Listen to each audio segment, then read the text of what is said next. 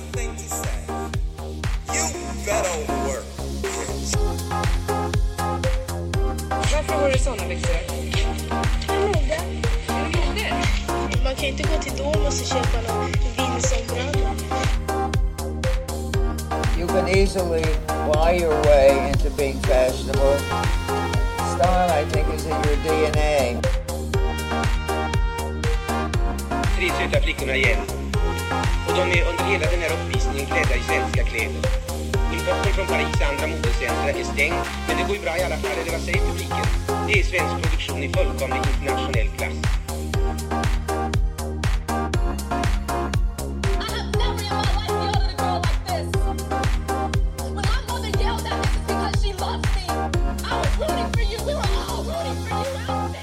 Hallå, hallå! Hallå, hallå.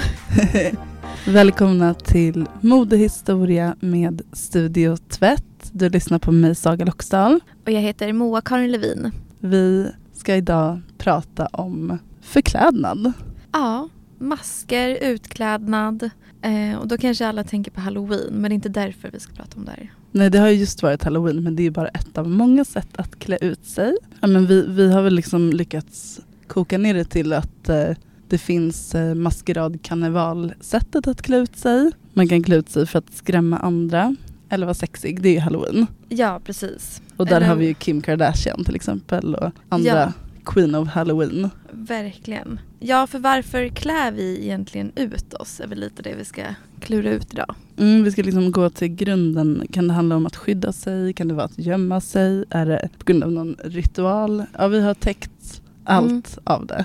Verkligen. Har du klätt ut dig någon gång, Saga? Alltså jag har ju klätt ut mig när jag varit påskkärring. Ja. Eh, vi hade utklädningslåda hemma när jag var liten så man klädde väl ut sig lite hela tiden när vi typ lekte. Ja, man tog liksom det lite man hade hemma. För det har jag tänkt mycket på att det känns lite som när vi var yngre, alltså vi är uppvuxna på 90-talet Ja, och även innan det att när man klädde ut sig till skolan eller om det fan var någon så fest så tog man lite vad man hade hemma. och fixade själv och gjorde och sådär. Ja, exakt. Ja, man köpte ju sällan en ny dräkt. Precis. Jag har en så episk bild på min pappa hemma när han är typ sex, åtta år kanske, jag vet inte. Men då han är pirat och då har han liksom lånat eh, hans mammas stövlar och hon fick så dit en lapp på, på ena ögat Mm. och sådär. Och han tog en klädkrok som krok. Medan idag känns det lite som att barnen kanske går och köper en färdig typ Elsa eller Spiderman eller vad det nu Faktiskt. kan vara. Nej men äh, även på mitt dagis hade vi en utklädningslåda men det var ju typ klänningar som föräldrar hade rensat ut och sådär. Ja, Ja men annars så är det väl någon halloweenfest och sådär. ja. Du då? Nej, alltså jag minns bara att jag var på något kalas när jag var liten då min syster även var bjuden, min storasyster och vi båda var dalmatiner från 101 dalmatiner. och då hade mamma sytt liksom, ja, men som svarta fläckar och sen gjort någon form av, satt på öron på ett eh, diadem och sådär. Eh, jag vet inte vems idé det var att vi skulle vara hundar. Jag skulle gissa på att det kanske var min storasyster. Det var ju väldigt trendigt med den filmen Ja. när vi var små. Precis. Och någon gång i tidig 20-årsålder så skulle jag väl vara något lite mer så trendigt. Så då var jag Black Swan eller från den här Mm. mm. balettfilmen. Ja. ja, det är väl typ det. Och påskkärring då såklart. Men när du säger det också, jag min, vi hade ganska ofta så maskerad med min lågstadieklass. Att hela alltså så här, föräldrar och barn skulle klä ut sig tillsammans och ha lite kalas. Ja. Och då kommer jag ihåg att många föräldrar var väldigt bra på att klä ut sig. En tjej i min klass, eh, vi får se om hon lyssnar på det här, kanske inte då. Men jag vet att hennes föräldrar, jag tror nästan de hade gjort det här själv i kartong. Alltså. Ja. Och den ena var varmkorvgubbe med en låda på magen. och den, Otroligt härligt. alltså verkligen bra gjort liksom också. Ja. Och den andra var piano. Ja. Så de hade liksom hängt över sig någon kartongbyggnad som verkligen såg ut som ett piano. Så de hade väl säkert, skulle jag kunna gissa, vikt och klippt och klistrat och målat själva. Mm. Det var riktigt, riktigt bra utklädnader. Och min pappa var Roger Pontare en gång. ja. Klassiskt. Ja. Också otroligt kul. Jag vill bara innan vi sätter igång vill jag bara ägna några ord åt den som brukar kallas för Queen of Halloween som vi har sett mycket av senaste veckorna. Och det är Heidi Klum. Mhm. Eh, Hon har en årlig halloweenfest där hon bjuder alla liksom de kändaste. Men gud, tell me more. Det här vet inte jag. Och hon har så sjuka utklädnader. Förra året var hon larv. Alltså hon har ju ett helt team som så fixar hennes dräkt och Ja. typ gjuter i silikon. Och så här, alltså hon såg ut som en naturtrogen larv förra året. Man ser ofta inte alls att det är hon. Nej. Ja, men man, alla vill vara på listan till hennes fest och då måste man verkligen klä ut sig ordentligt också. I år var hon påfågel och eh, då var det inte bara liksom, ja men hon är påfågel. Nej nej, hon var framdelen av påfågel. Hon hade näbb och var blå.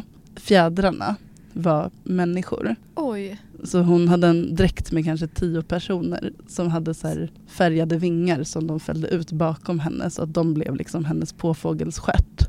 Men gud. Alltså det var ett helt performance. Men har då då en, en årlig, för det har jag undrat lite, Mm. typ eh, för Kardashians-familjen har ju haft som en liksom parad av olika dräkter. Det liksom Ja. inte bara varit en dräkt. Där hela familjen har ett tema Ja, och, och, fotar sig. Precis, och då undrar jag, för det är inte så att de ska på Met-gala, är, är det liksom privata fester då de går på? Ja, eller, så eller tar de bara kort på? Kardashians tror jag främst tar kort Ja. till sociala medier. Ja, Eh, men det är ju liksom, de tjänar nog ganska mycket pengar på det där. mm, Med, medans, alltså Heidi Klum har ju då en stor, som en galafest, alltså alltså det är en privat fest men det är så röda mattan, det är media som fotar alla som kommer, mm. många, många kändisar. Eh, men hon brukar alltid då vara den som liksom har den bästa utklädnaden. Och det var också väldigt kul för att, men så här, både att hon chockade med att ha en dräkt som bestod av tio andra personer.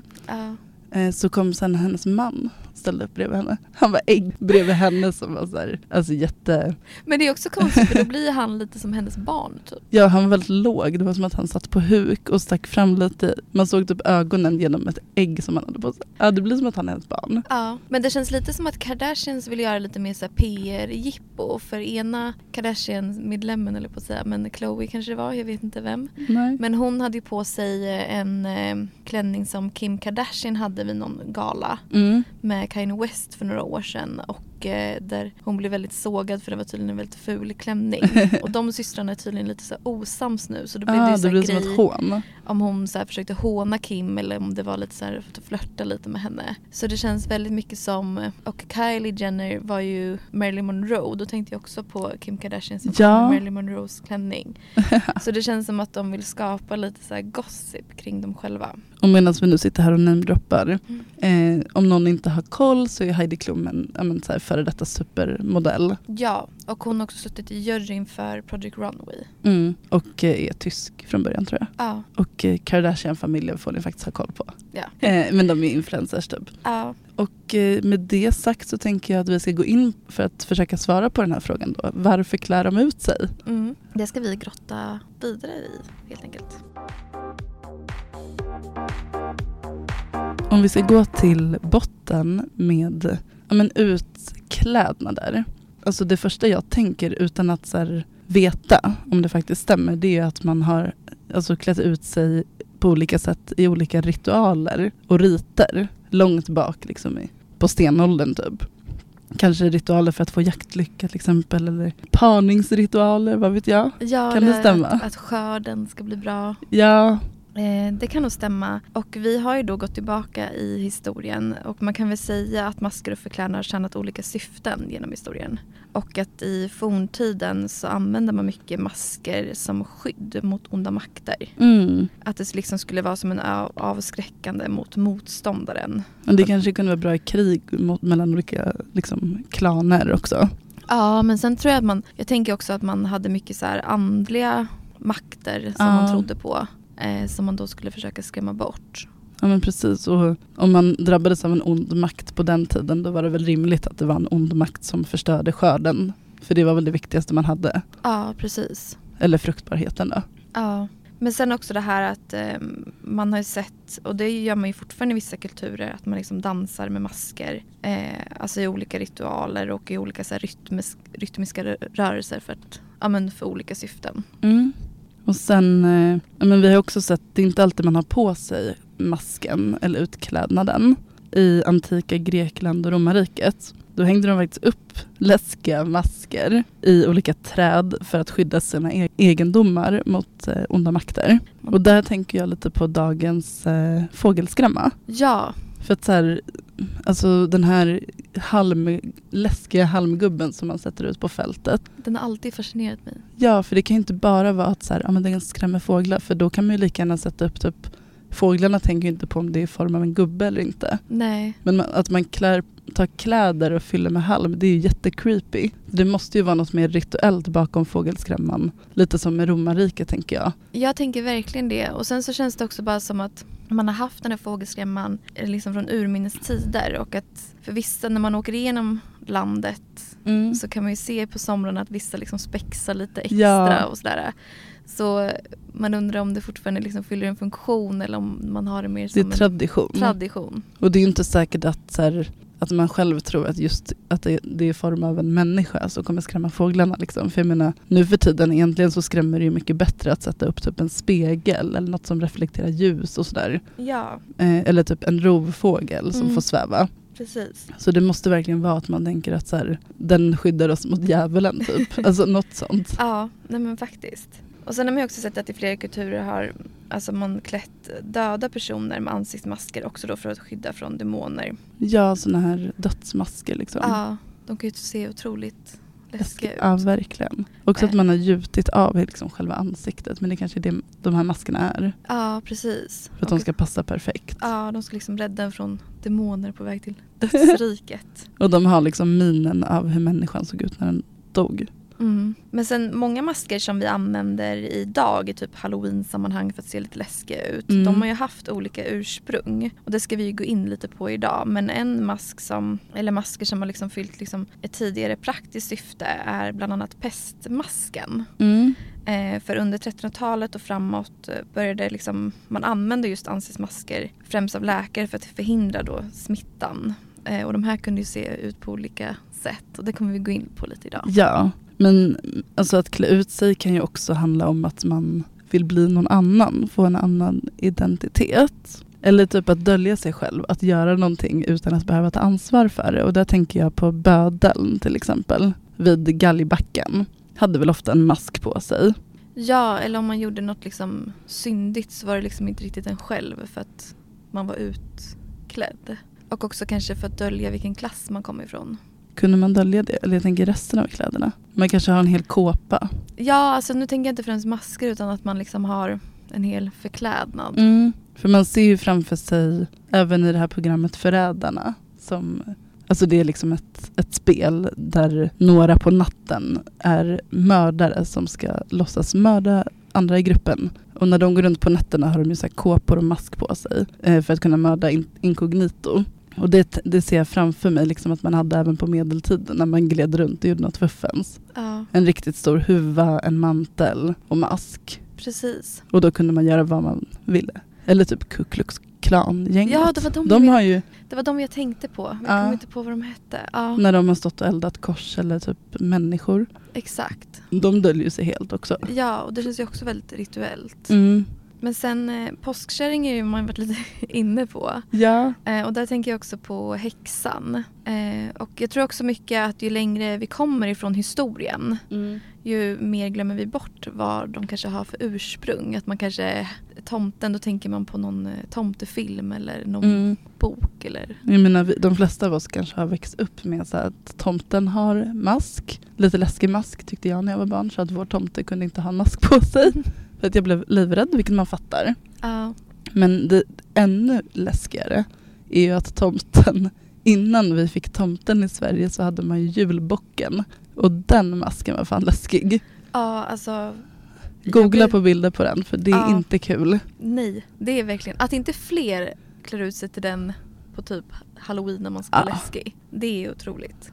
Vi alla kanske också har klätt ut oss till så här påskkärringar och sådär för att få godis. Alltså det är som att så här, har du en utklädnad så kan du få lite andra saker än, än om du kommer klädd som dig själv. Mm, Tycker jag är intressant också faktiskt. verkligen. Och hur mycket man anstränger sig. Ja, för kommer det barn hem på halloween Ja, och vill ha godis och de inte ens ansträngt sig för att klä ut sig, då är jag mindre likely att vilja ge dem godis. ja faktiskt. Det Alltså- visar att man har ansträngt sig. Ja, gud ja. Alltså, vi ska klippa bort det här. Berätta. Men jag lyssnade på podden Recensörerna var eh, hans son kom hem med eh, jättemycket godis. Han var så här, men var har du fått det här ifrån? Och då hade han ju gått bus eller godis. Han bara, men du är inte ens utklädd.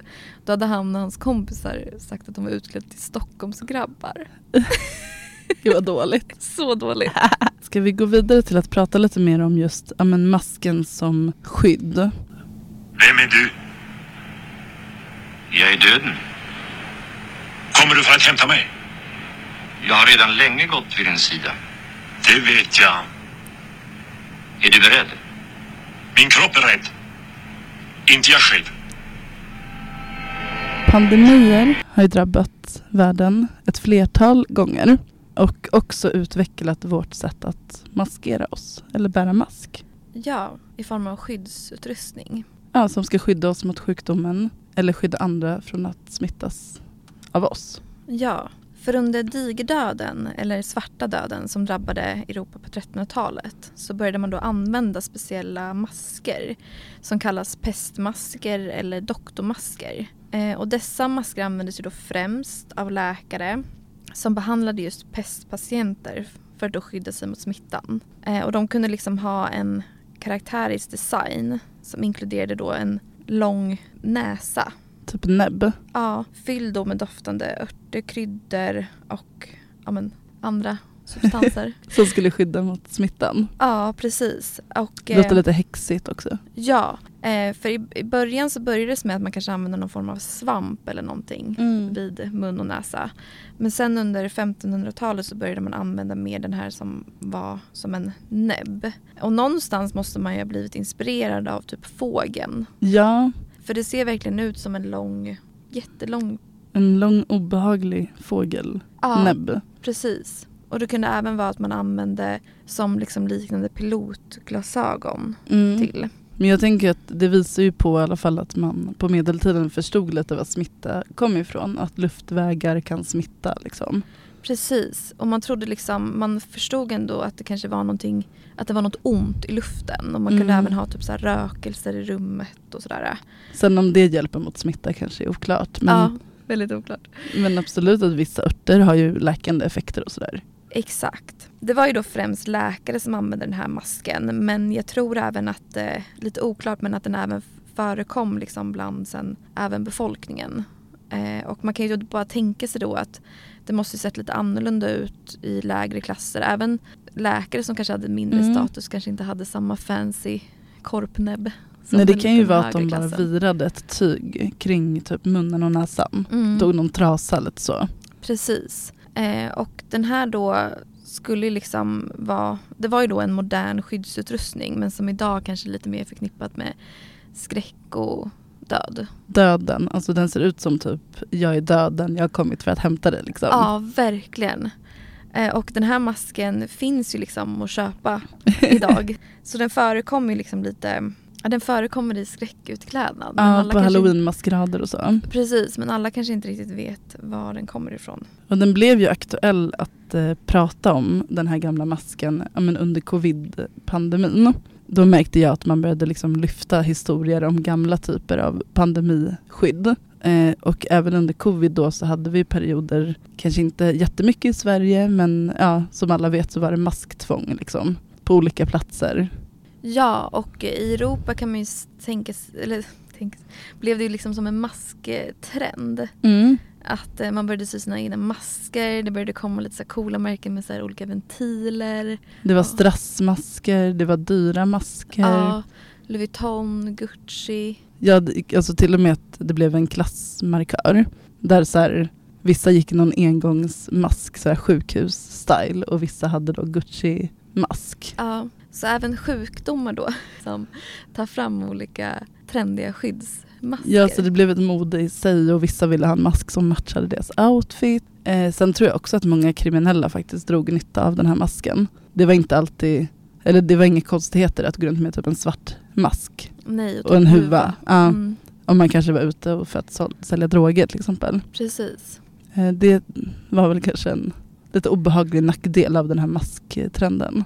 Verkligen. Och jag tyckte själv att det kunde vara lite obehagligt ibland när man mötte vissa människor. Absolut. Sen har ju vissa vittnat om att det var ganska skönt, folk med social fobi till exempel, att bara kunna få dölja sig och ingen kunde känna igen en. Verkligen. Det var nog rätt, skönt. Ja, Om man ville gå ut inkognito eller om man var känd. precis. Var mer anonym. När vi ändå är inne på men så ansiktsmask så är det ju många kändisar som har använt mask för att kunna vara lite inkognito. Eh, de många minns kanske att Michael Jackson hade mask på sina barn för att täcka deras ansikten hela deras uppväxt. De hade alltid en mask på sig när de var ute. Offentligt. Otroligt obehagligt. Det var jätteobehagligt. Det behövde han väl då för att det var så mycket paparazzi-fotografer överallt. För att på något sätt skydda dem. Ja, och det kanske ändå var bra gjort men det såg ju läskigt ut. Ja, och det kan man jämföra lite med sociala medier idag. Att man sätter en emoji på sina Mm. barn. Jag till exempel Isabella Löwengrip. Hon visar inte sina barns ansikten i sociala medier utan hon blurrar då dem. Eller tar en bild bakifrån för att de ska slippa växa upp kända. För att hon är ju så pass känd i Sverige. Och eh, för just när det gäller henne tycker jag att det har funkat jättebra. Mm. Alltså jag följer henne och det är som att jag ändå har en bild av hur hennes barn ser ut fast jag aldrig har sett dem. Nej, Det är jättespeciellt. men jag tycker ändå det är en fin grej. Då får ju de välja själva sen hur de vill synas och inte synas. Ja, jag tror att det var kändisarnas eh, era på något sätt när man kunde ha mask utan att verka konstig under covid. Ja, verkligen. Ganska Stor, skönt för dem. stora solbriller, keps och en mask. Och en huva. Ja, Lite som en gammaldags bödel eller pestklädsel. verkligen. En annan sjukdom som gav upphov till maskering det var ju syfilis, könssjukdomen som jag tror den fortfarande finns kvar. Men den var väldigt vanlig ja, men på 1600-talet och framåt till modern tid.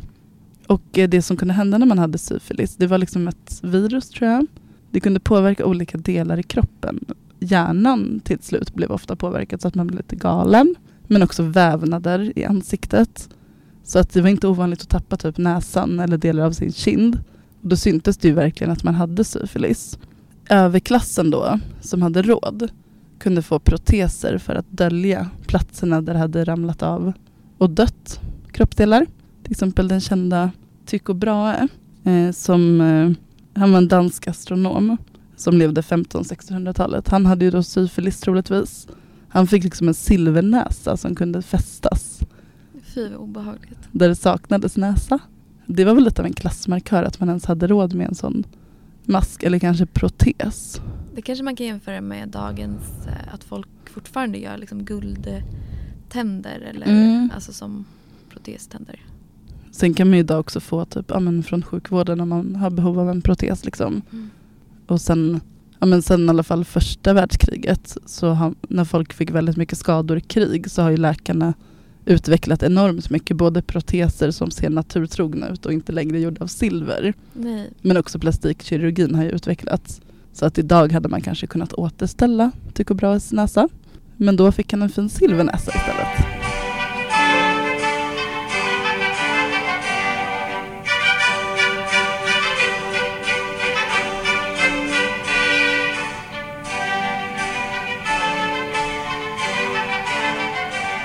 Men nu ska vi gå över till det roliga.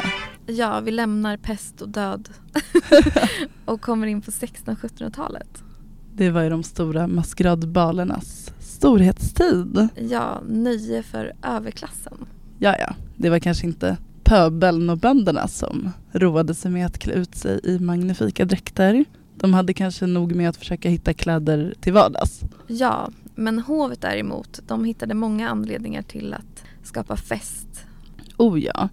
Men det spred sig väl från länder alltså i Sydeuropa, typ Frankrike och Italien upp till lilla Norden. Men under barocken, 1600-talet, då var det vanligt med maskeradbaler i hoven. Det man får tänka på också är ju att man, det var långt innan vi hade el.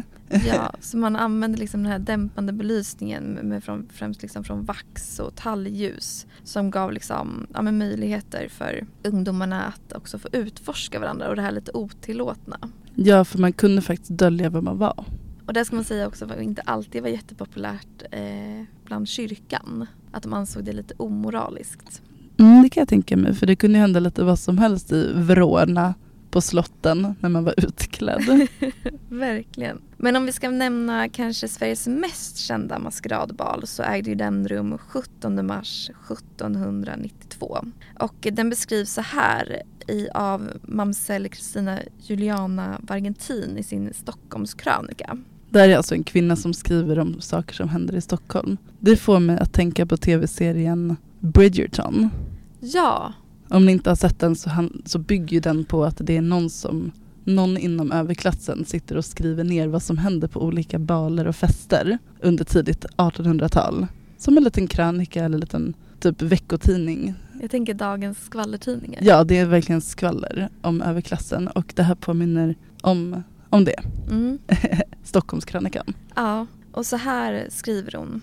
Fredag klockan kvart i tolv om natten då kungen kom in på maskeradbalen på Operahuset blev han i trängseln skjuten i ryggen med två pistolkulor utan att man blev varse varifrån det kommo. Han gick då upp i sin, sina rum i den övre våningen för att låta förbinda sig och for sedan hem till slottet, icke utan stor möda. Händelsen beskriver, som ni säkert kanske redan listat ut, mordet på Gustav III, teaterkungen. Och eh, teaterkungen dog ju av skottet också sen. Och eh, dömdes gjorde Ankarström som vars släkt sen bytte namn och, eh, till Löwenström. och eh, för att gottgöra så fick de bland annat ge en gåva för att starta upp Löwenströmska sjukhuset som finns i Upplands Väsby. Råkar jag veta. Ehm, Kul sidoinfo, det hade jag ingen aning jag har om. till sidoinfo, vill du höra? Ja, Om kör. Ankarström då, Ja. eh, kungamördaren. Om han nu hade, alltså jag kan väl inte säga så här flera hundra år efteråt om det faktiskt stämde att det var han som sköt. Vi får väl tro på den tidens rättssystem.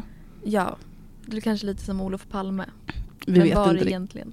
Eh, Men han dömdes ju såklart till döden och skulle då avrättas på Galgbacken. Och Stockholms Galgbacke, det som jag tycker är kul är att den ligger typ alltså seriöst 50 meter från vår studiotvättateljé och tvättateljé i Hammarbyhöjden.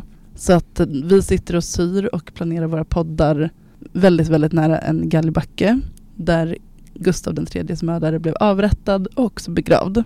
Eh, för att man fick inte begravas i vigd jord så att om man hade gjort något sånt hemskt brott då blev man liksom begravd på plats i galgbackens mark. Eh, så att Ankarström ligger i jorden mycket nära oss där vi sitter just nu.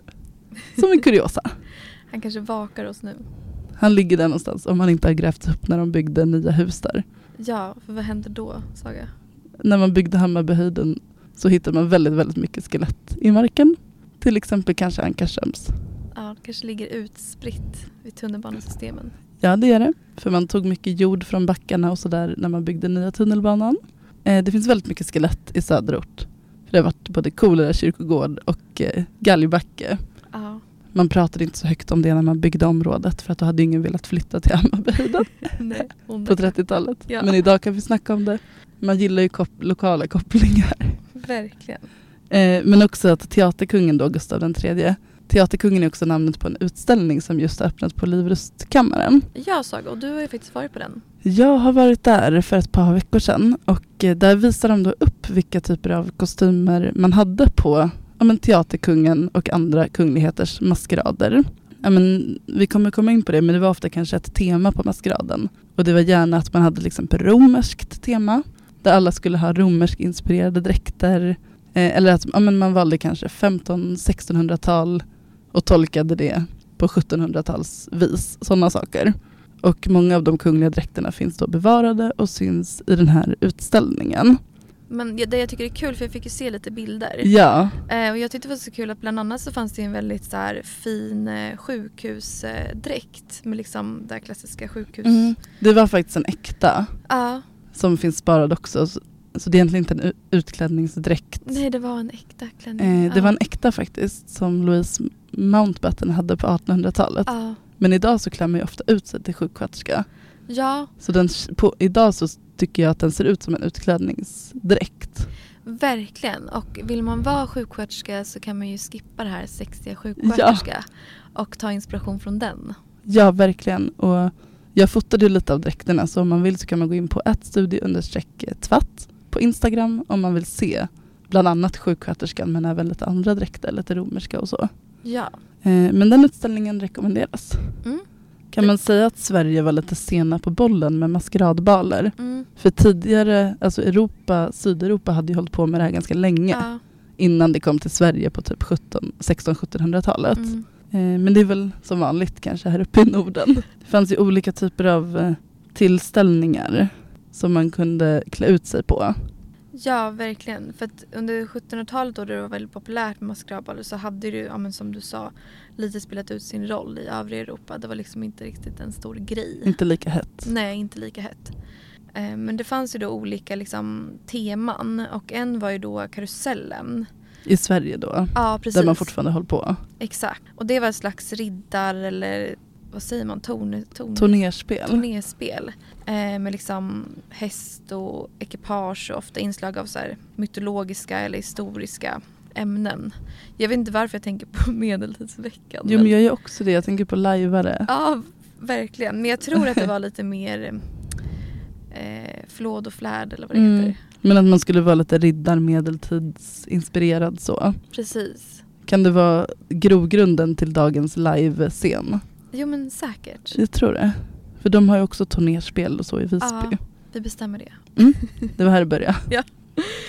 Och sen fanns det också något som hette eh, en pastoral, eller ja precis, ett hedersspel. Eh, som var ett sångspel där deltagarna föreställde liksom herdar och man spelade liksom scener ur så här lantlivet. Mm. Eh, och så kallade bond, det fanns också bondbröllop som också var en typ av tema där man, hovet liksom klädde ut sig till bönder. Vilket klassförakt. Appropriering. Ja verkligen. Och lekte liksom bondbröllop och upptåg till dans. Eh, och det kunde också vara att faktiskt verkliga bönder var inbjudna där unga par giftes bort. Och det här var typ festligheterna. 1700-tals kultur. Ja. Men det fanns ju också lite olika regler. Som ni märker så kunde ju liksom hovet klä ut sig till bönder. Mm. Eh, men det var ju inte okej för tvärt, tvärtom. Det fanns liksom en samhällsordning. För att, att klä sig ut sig till exempelvis till kung, adelsman eller präst var då förbjudet. För det kunde Mm. liksom uppfattas som ett direkt angrepp på makten. Och man fick ju liksom inte heller riskera att man skulle kanske bli förväxlad Nej. eh, med kungen. Jag undrar också om det går kanske lite hand i hand med 1700-talets eh, förbud mot eh, alltså överflödsförordningar. Där det fanns mycket förbud att så här, tillhör du den här bondeklassen då får inte du använda siden i särskilt stor utsträckning. Du får inte ha de här färgerna. Det var mycket liksom regler och lagar kring vad man fick ha på sig. Och som du säger, kungen fick såklart göra precis som han ville. Eller hovet. Exakt. Eh, Men det var mycket som var förbjudet för lägre klasser. Ja, men det, trots det så finns det ändå liksom en förklaring till att, eller att, att maskeraden ändå bidrar till att liksom släta ut lite så skillnader mellan hov och adel. Mm. Att det också fyllde liksom någon form av politisk funktion där jag vet inte, kan, att, att man kanske hovet kom närmare, närmare Jo, men eller, Mm. eller så. Det bidrog ändå till någon liksom politisk funktion. Och det var i samma veva som liksom den franska revolutionen och snack om jämlikhet. Mm. Men det som jag tycker är intressant är att, ehm, för jag ville liksom forska lite, eller vi ville forska lite om vart man fick de här dräkterna ifrån. Mm. Ehm, men det vet man inte helt eh, klart vart man i Sverige skaffade dessa masker och dräkter. Det var inte på 70-talet. Buttericks i alla fall. Nej exakt. Ehm, vissa källor menar på att det gick att köpa färdiga Mhm. eh, och som man sedan kanske sydde om av en skräddare eller, att man gjorde, eller i hemmet. Eller att man gjorde dem helt från scratch. Ja. Men det finns också mycket som visar på att det liksom smugglades in från eh, Paris och Sydeuropa. Mm. Eh, för det finns då bland annat en dagboksanteckning från hovmannen Fredrik Sparre Ja. som skrev i sin dagbok eh, 1770-talet att maskeraddräkter smugglades till Sverige från Paris och såldes då också för enorma summor Ah. i Stockholm. Och det står då så här. Aldrig har man sett sådana kvantiteter förbjudna varor. Klänningar, negligéer och dominor för kvinnor som införts från Paris. I stora mängder och som säljs för 3 eller 4 tusen daler styck. Och varför smugglade man dräkterna kanske ni undrar. Men det är väl som, som jag nämnde med den här överflödsförordningen. Vissa material var helt enkelt förbjudna, speciellt att köpa utomlands ifrån. För den svenska staten ville ha liksom inhemsk produktion. Eh, 1700-talet var en tid för, för det. Man ville inte bidra till att så här, importera och bidra till andra länders statskassa. Eh, sen att Sverige hade lite svårt att göra eget siden och sådär. det är en annan historia. Men det var helt enkelt så att tullen beslagtog väldigt mycket som en textil som man ville importera. Eh, och dessutom var det förbjudet att sälja färdigsydda plagg överhuvudtaget. Eh, men det var ju bara så att man fick gå till en skräddare och sy upp från scratch. Skräddaren fick ju inte säga hej, jag har en färdig maskeradklänning. Så därför är det väl lite så i dunkel. För de kanske hade ett hemligt lager då med färdiga maskeraddräkter. Det kan man ju tänka sig. Ja, verkligen. Det är kul att det var så mycket hemligt och smuggel inom kläder på den tiden. Ja, och väldigt fina kläder också. Men det blir ju så när något är förbjudet. Jajamän. Egentligen var det ju först mitten på 1800-talet som man fick börja sälja helt färdiga plagg i Sverige. Så det var väldigt sent. Ja, Men det var klart man ville ha det finaste från Paris. såklart. Paris? Vi, vi kan aldrig ha något eget. Nej. Men mycket av de här äh, utklädnaderna var ju då inspirerade bland annat från Venedig och äh, den de venetian, venetianska äh, karnevalfesterna. Och vi ska gå in lite på vissa masker som förekom under den venetianska eh, och venetianska karnevaler härstammar ju från liksom 1200-talet så de har ju funnits med länge. Sen kanske på senare år fått lite av en revival. Jag vet att det, många turister vill ju idag åka eh, och, och delta i karnevalen. Den uppstod, det finns i alla fall bevis på att den fanns redan 1268 och eh, den sker alltid i samband med fettisdagen så det har väl någon typ av katolsk kristen koppling.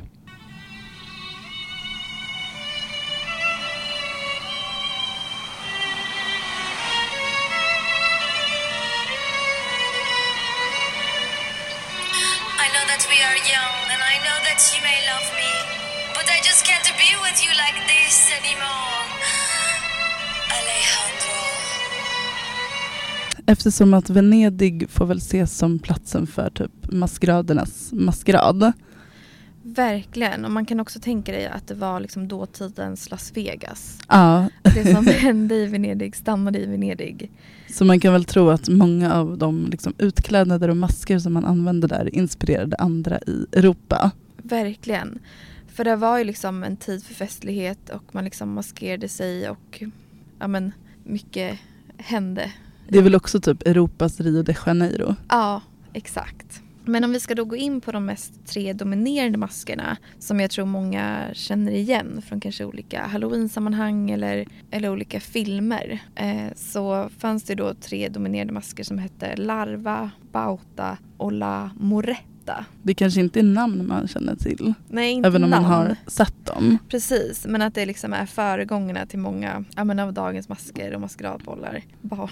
Jag kan inte prata så. Nej men vad var då La Bauta för typ av maskering? Det var en traditionell vit mask som användes då både för män och kvinnor och den symboliserade då frihet för sociala begränsningar. Eh, och det var också, La, La Bauta var också en av maskerna som, som bars av eh, den kända Casanovan. Och när man tänker på en sån här mask, alltså en sån som typ sitter på en pinne som man kan hålla framför ansiktet. Precis, och eh, den var ofta liksom vit med hål för ögonen och liksom väldigt markant näsa och uttryck i pannan. För sådana här masker, och det syns ännu tydligare kanske på teater, har ju ofta ett ansiktsuttryck. På teatern är de antingen glad gubbe eller ledsen gubbe. Mm. Det är lite av symbolen för teater, den här typen av mask. Och sen så fanns det då en mask som kallas för De Volto eller också Larva. Och det var också en vit mask med näbbliknande utseende.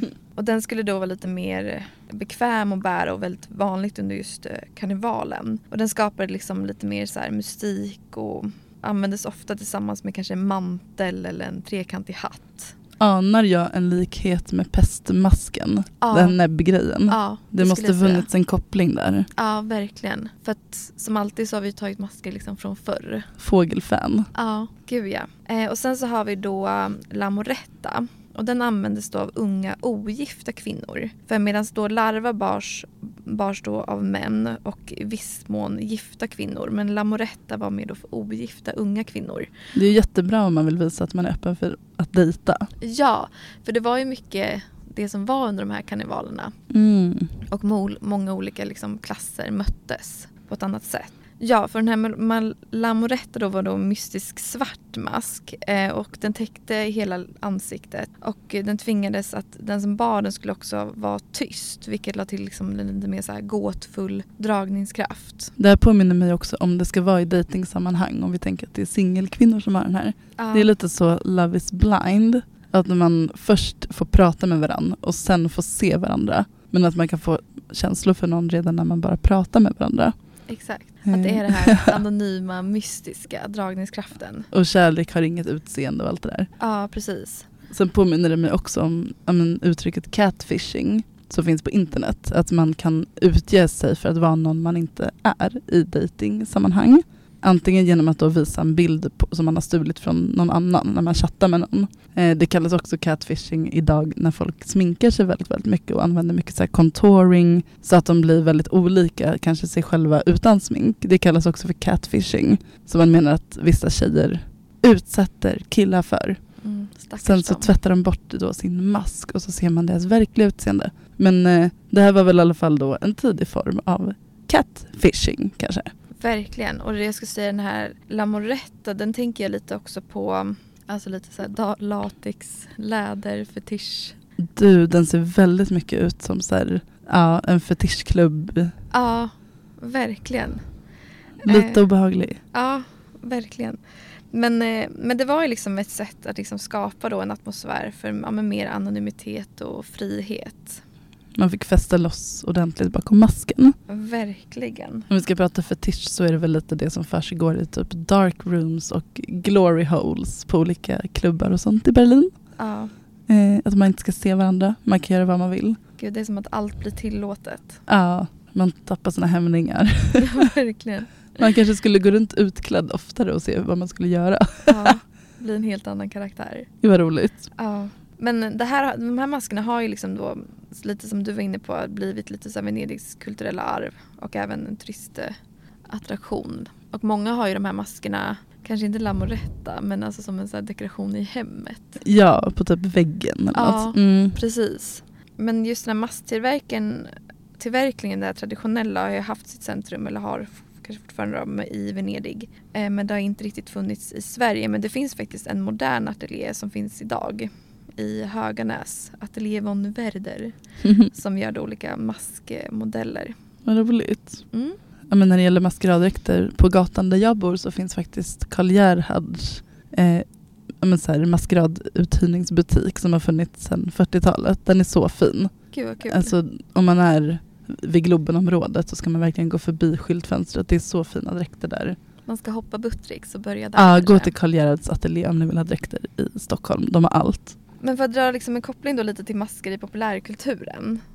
Eh, vi har ju då ett exempel, Casanova-masken, Ja. La Bauta.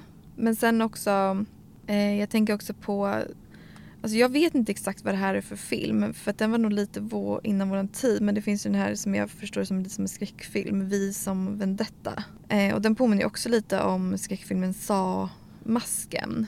ja. Eh, och den är också lite inspirerad från Venedigs karneval. Och Hannibal Lecter, Ja.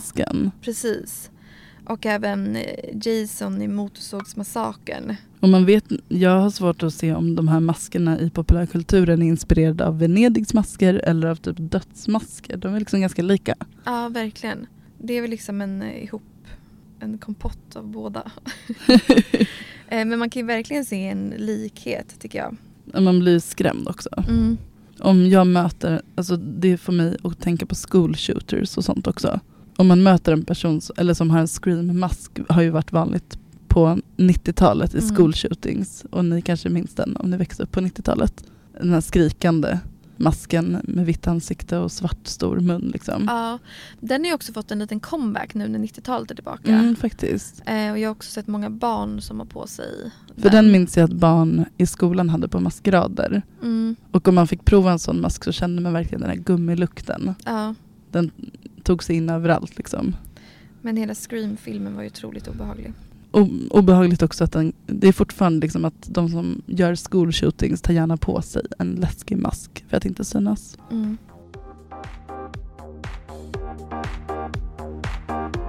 Om vi lämnar det läskiga och går in på lite roligare maskerader igen så ska vi färdas till Sverige under sent 1800-tal, tidigt 1900-tal. Det är ju en tid vi ofta återkommer till, börjar jag tycka. Men det är för att det hände mycket då. Ja, men det känns också som att man hade lämnat pest och död Mm. och kommit in i lite mer festligheter. Industrialiseringen skedde, studentlivet blomstrade, många institutioner utvecklades i samhället som fortfarande finns kvar. Man Och, hade liksom eh, framtiden framför sig. Ja, och det var också att man liksom bildade Sverige som nation på ett nytt sätt. Man bestämde sig för vad som var svenskt. Det var en nationalistisk era. Där man kanske drog upp lite gamla asatroberättelser och mixade det med lite folkdräkter man hade samlat in runt om i Sverige som var mer eller mindre sanningsenliga och sådär för att bygga upp någon typ bild av det här Sverige idag. Ja, och det blev också lite mer jämställt mellan samhällsklasserna. Ja men det blev det ju och det kanske var fler som hade möjlighet att studera. Så att mycket utvecklades. Till exempel Arthur Hazelius var väldigt stor inom det här nationalistiska. Så han bildade ju Skansen, Nordiska museet, om jag inte, jo men Nordiska museet också och Biologiska museet på Djurgården. Det är svårt att tro att han hann med allt. Verkligen. Eh, Men hans livsgärning gick ut på att samla på föremål och kläder som var kopplade till Sveriges eh, bondehistoria väldigt mycket faktiskt. Så att han åkte ut och skickade ut folk ute på landsbygden. Eh, men väldigt mycket slå fast vad som var folkdräkt till exempel. Sen gjorde inte han rätt kanske alla gånger. I efterhand har han fått kritik. För att så här, om man åker till en by och säger vi är Nordiska museet, vi vill samla in det som är typiskt, eh, som ni brukar ha på er. Eh, då får man kanske inte de roligaste plaggen alla gånger. Utan de åkte istället och sa vi vill samla in det mest spexiga ni har i, i er by. Och då kanske det var så här, ja men det här är ett plagg som har använts en gång på ett bröllop och då sa Nordiska museet det tar vi. Och sen så ställer vi ut det som en typisk Skånedräkt. Eh, så att det var inte alltid helt sanningsenligt vad folket hade på sig på landsbygden. Men, eller man ville väl göra det mer exotiskt liksom. Ja, man skapade liksom lite myter. Ja, och samma sätt så kanske man skapade en historia om Gustav Vasa som Sveriges liksom landsfader. Där man spred mycket myter om honom som kanske inte helt var sanna. Man kryddade lite. Och eh, Skansen var bidragande till att man instiftade eh, svenska flaggans dag den 6 juni och det var då kopplat till Gustav Vasa, vår landsfader. Eh, för att han blev då kung 1523 den 6 juni gissar jag. Eh, och Arthur Hazelius vill liksom uppmärksamma det här som den nya, eh, som en nationaldag för Sverige för att stärka nationen. Eh, och den, då införde han firandet på Skansen. Och Skansen hade också massa dräkter. De har fortfarande en enorm dräktkammare som är jättespännande att besöka. Jag har varit på ett studiebesök där. Eh, och i samband med firandet med svenska flaggans dag så införde han liksom en maskerad eller karneval där man skulle klä ut sig i lite 1500-tals eh, kläder. Och det här förstod jag var inte bara för liksom högre societeten utan var lite mer Nej, det här var mer för all- folk. folket. Ja. För nu har vi kommit in på folkliga, mer folkliga maskerader. Mm. Sen var det kanske inte gratis med en dräkt men jag tror också att man kanske tillverkade dem på klädkammaren och sen lånade ut dem till de som var med i karnevalen. Eller maskeraden. Mm. Och sen var det kanske lite mer vanligt att man ägde en folkdräkt hemma. Och där kunde man också få låna. Så Skansen blev liksom stort på ja, men både att eh, man gick runt utklädd i gammaldags folkdräkter när man jobbade där eller var med i ett danslag. Men också att man klädde ut sig, alltså att det var en årlig maskeradevenemang. Där man gärna klädde ut sig eh, i plagg som visade på ja, men Sveriges stolta historia. Alltså det var liksom nationalism i det hela. Och eh, nationalismen parallellt så var det också väldigt stort inom studentlivet i så här Lund och Uppsala. Att eh, hylla Sveriges historia med olika studentspex. Och det var ju samma anda där. Ja och det känns väl som att det lever kvar lite. Ja men det tycker jag faktiskt. Alltså, det är inte ovanligt att många av studentsångerna har att göra med asatro. Och att spexen då, men då kunde man låna folkdräkter ut, från kanske utifrån landet. För Ja. att vi har på sig i olika studentspex och spela upp historier om Sverige. Och eh, valer förekommer ju också fortfarande väldigt mycket. Verkligen. Och utklädningsteman. Mm. Och ehm, det var inte heller ovanligt att det var så här män fick klä ut sig till kvinnor för det tyckte man var kul. Så på något sätt, de, många av maskeraderna under tidigt 1900-tal var väldigt så patriotiskt fokuserade. Det hängde ihop liksom. Men vi hade såklart också lite överklassmaskerader även under denna tid. Eh, det var inte alla maskerader som alla var välkomna på. Nej nej.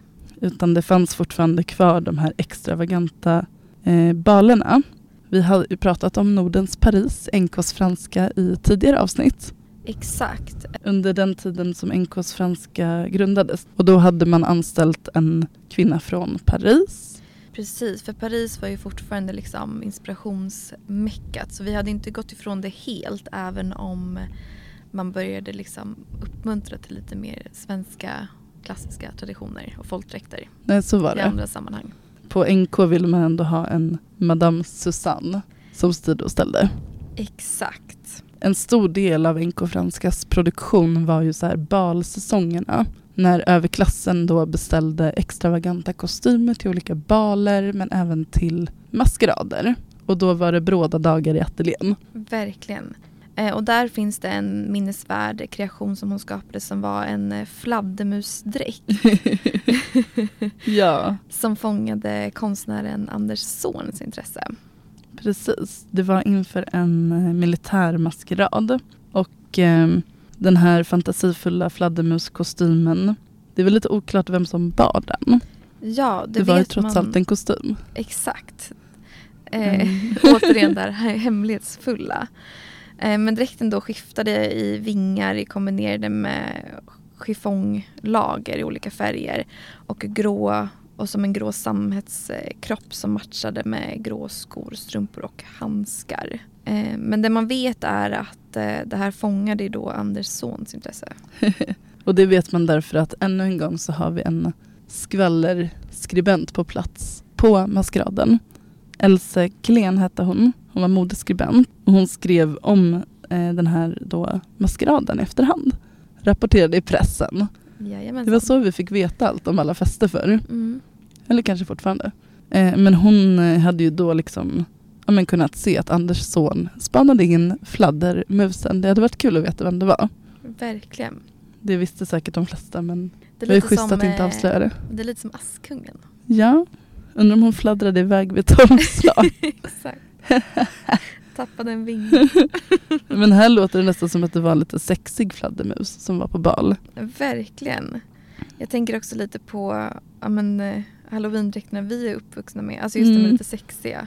Eh, att man Catwoman eller en bunny. Ja, det var lite fladdermusen där också. Mm. Och det här var väl då, ja men Madame Perlin var kvar på ateljén ja, men fram till tidigt 1900-tal, någonstans 1910 till 1915 så skulle jag säga att det här kanske var 1910-talet. Men det känns ju som att det var mer äkta dräkterna på den tiden när man faktiskt här sydde upp det hos en skräddare och ja, men fullt ut hade en riktigt välsydd dräkt istället för att maskerad idag förknippas med typ plastdräkter som är från Kina liksom. Verkligen. Och, eh, fast det, det som är likt idag är väl att det är de högre klasserna, alltså kändiseliten som fortfarande gör, ja, men, vi var inne på Heidi Klum som Mm. liksom gör en hel eh, egen kostym. Ja, men då kanske man kan sammanfatta det som att de högre klasserna har alltid haft väldigt bra maskeraddräkter. Bondesamhället och lägre. De har tagit trasor de har hemma och klätt ut sig till påskakärringar med hjälp av förklädda chaletter eller typ så här julbockar som är bara läskiga klädda i trasor. Så att det har alltid funnits fattiga och dyra maskeraddräkter. Verkligen. Som är kanske lite olika syften också. De fattiga är lite mer läskiga och de är pråliga är lite mer bara fina. Ja, och att det är viktigt att veta vart du kommer ifrån. Det syns oavsett hur du klär ut dig.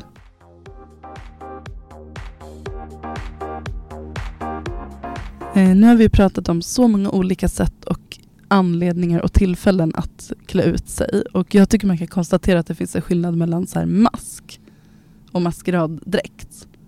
Att en mask är till för ofta att skydda, dölja, Att man ska vara anonym, känna frihet. kunna göra förbjudna saker eller till och med kriminella saker. Ja, Medan maskeraddräkter ofta är till för att visa status, prålighet, extravagans, typ ha kul, mm, känna sig sexig. mm, snygg, Ja, fortfarande lite inne på det otillåtna. lite mystisk. Ja, Men också ha väldigt kul tror jag.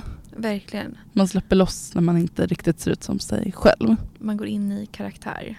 Och eh, på något sätt känns det ändå som att allt är kopplat till det, det här med gammaldags riter och traditioner.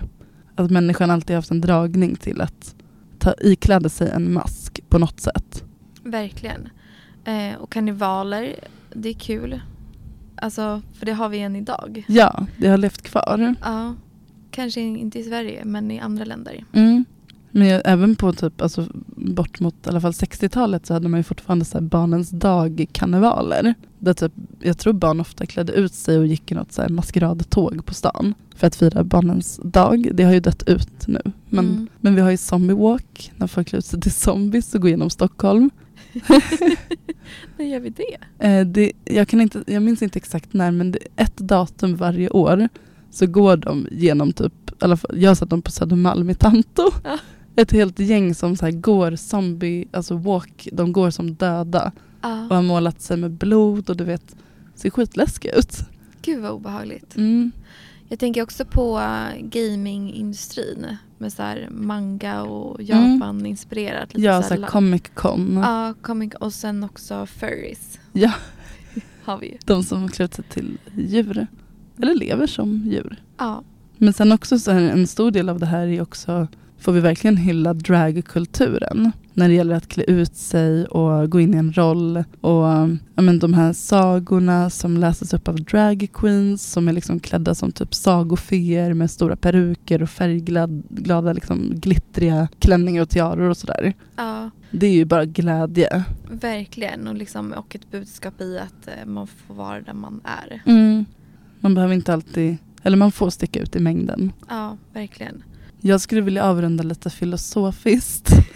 att så här, vi alla klär i oss en mask på något sätt vad vi än gör i livet. För jag menar man är inte alltid samma person som när man typ ligger hemma i myskläder på soffan. Man går till jobbet, man tar på sig jobbmasken. Eh, man går och spelar in en podd, man har på sig poddmasken. Och ibland är masken osynlig. Men vi, sätter ändå, vi går in i roller ju. Som små skådespelare allihopa. När är man egentligen utan mask? När, man är, när är man inte utklädd? Verkligen. Jag tänker också jag som, eller vi som tycker om kläder och sådär. Mm. Jag kan ju ibland tänka så här, ja men idag klär jag mig lite fransk. Ja. Eller typ jag skulle se, jag såg Kungen-filmen på bio och då ville jag känna mig lite kunglig när jag gick Mm. dit. Då klär vi ju ut oss. Ja. Kommer du ihåg när vi gick på utställningen på Djurgården? Då hade jag klätt mig Östermalm. ja, det var ju otroligt roligt. Ja!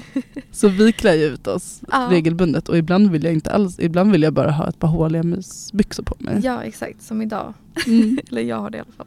Ehm, men ju mer man visar kanske sitt äkta då, tar bort flera skal av sig själv, desto mer sårbar kan man också vara. Mm. Eh, Så många kan tycka det är skönare kanske att ha smink och men några lager mask i vardagen för att orka med. Ska vi avrunda där? Ja, jag tycker vi gör det. Det var roligare avsnitt än vad jag tänkte. Inte för att vi planerar tråkiga avsnitt men, men jag var lite så här, blir det bara halloween? Man är lite trött på halloween. Nej men vi gick under alla lager. Ja. Alltså vi lyfte masken från, från, Verkligen. från masken från masken. Ja, och jag hoppas att eh, ni som lyssnar också när ni ser maskerader idag att ni kanske förs- vet lite mer vart maskerna kommer ifrån från början. Ja, ja men, jättekul att ni lyssnade idag och eh, följ oss gärna på din poddapp och på vår Instagram, att studie-tvatt om du kanske vill se lite bilder på de här dräkterna vi pratade om från Livrustkammaren. Ja, och också andra grejer vi gör i ateljén. Ja, vi kan ju också berätta att vi planerar en julmarknad den första advent. Mm. Vi kommer berätta mer om det på vår Instagram. Ja, och där kan vi också tillägga att jag och Saga syr mycket grejer ihop. Eh, men det finns ju också andra i ateljén Ja, som syr och gör andra grejer. vi kommer vara minst fem kreatörer som tillsammans säljer allt möjligt. Mm. Så um, om ni behöver julshopping eller bara lite glögg och mys så är ni jättevälkomna. Save the date, söndag eh, första advent nära Gullmarsplan. Ja. Och eh, än en gång stort tack för att ni lyssnade. Prenumerera, kommentera, gilla och dela. Vi hörs snart igen. Det gör vi. Puss och kram. Puss puss. Hej då. Varför har du såna byxor? Noga. Är du modig? Man kan inte gå till Domus och köpa någon Wilsonbrallor. You can easily buy your way into being fashionable. Style, I think, is in your DNA. Tre söta flickorna igen. Och de är under hela den här uppvisningen klädda i svenska kläder. Importen från Paris och andra modecentra är stängd, men det går ju bra i alla fall, eller vad säger publiken? Det är svensk produktion i fullkomlig internationell klass.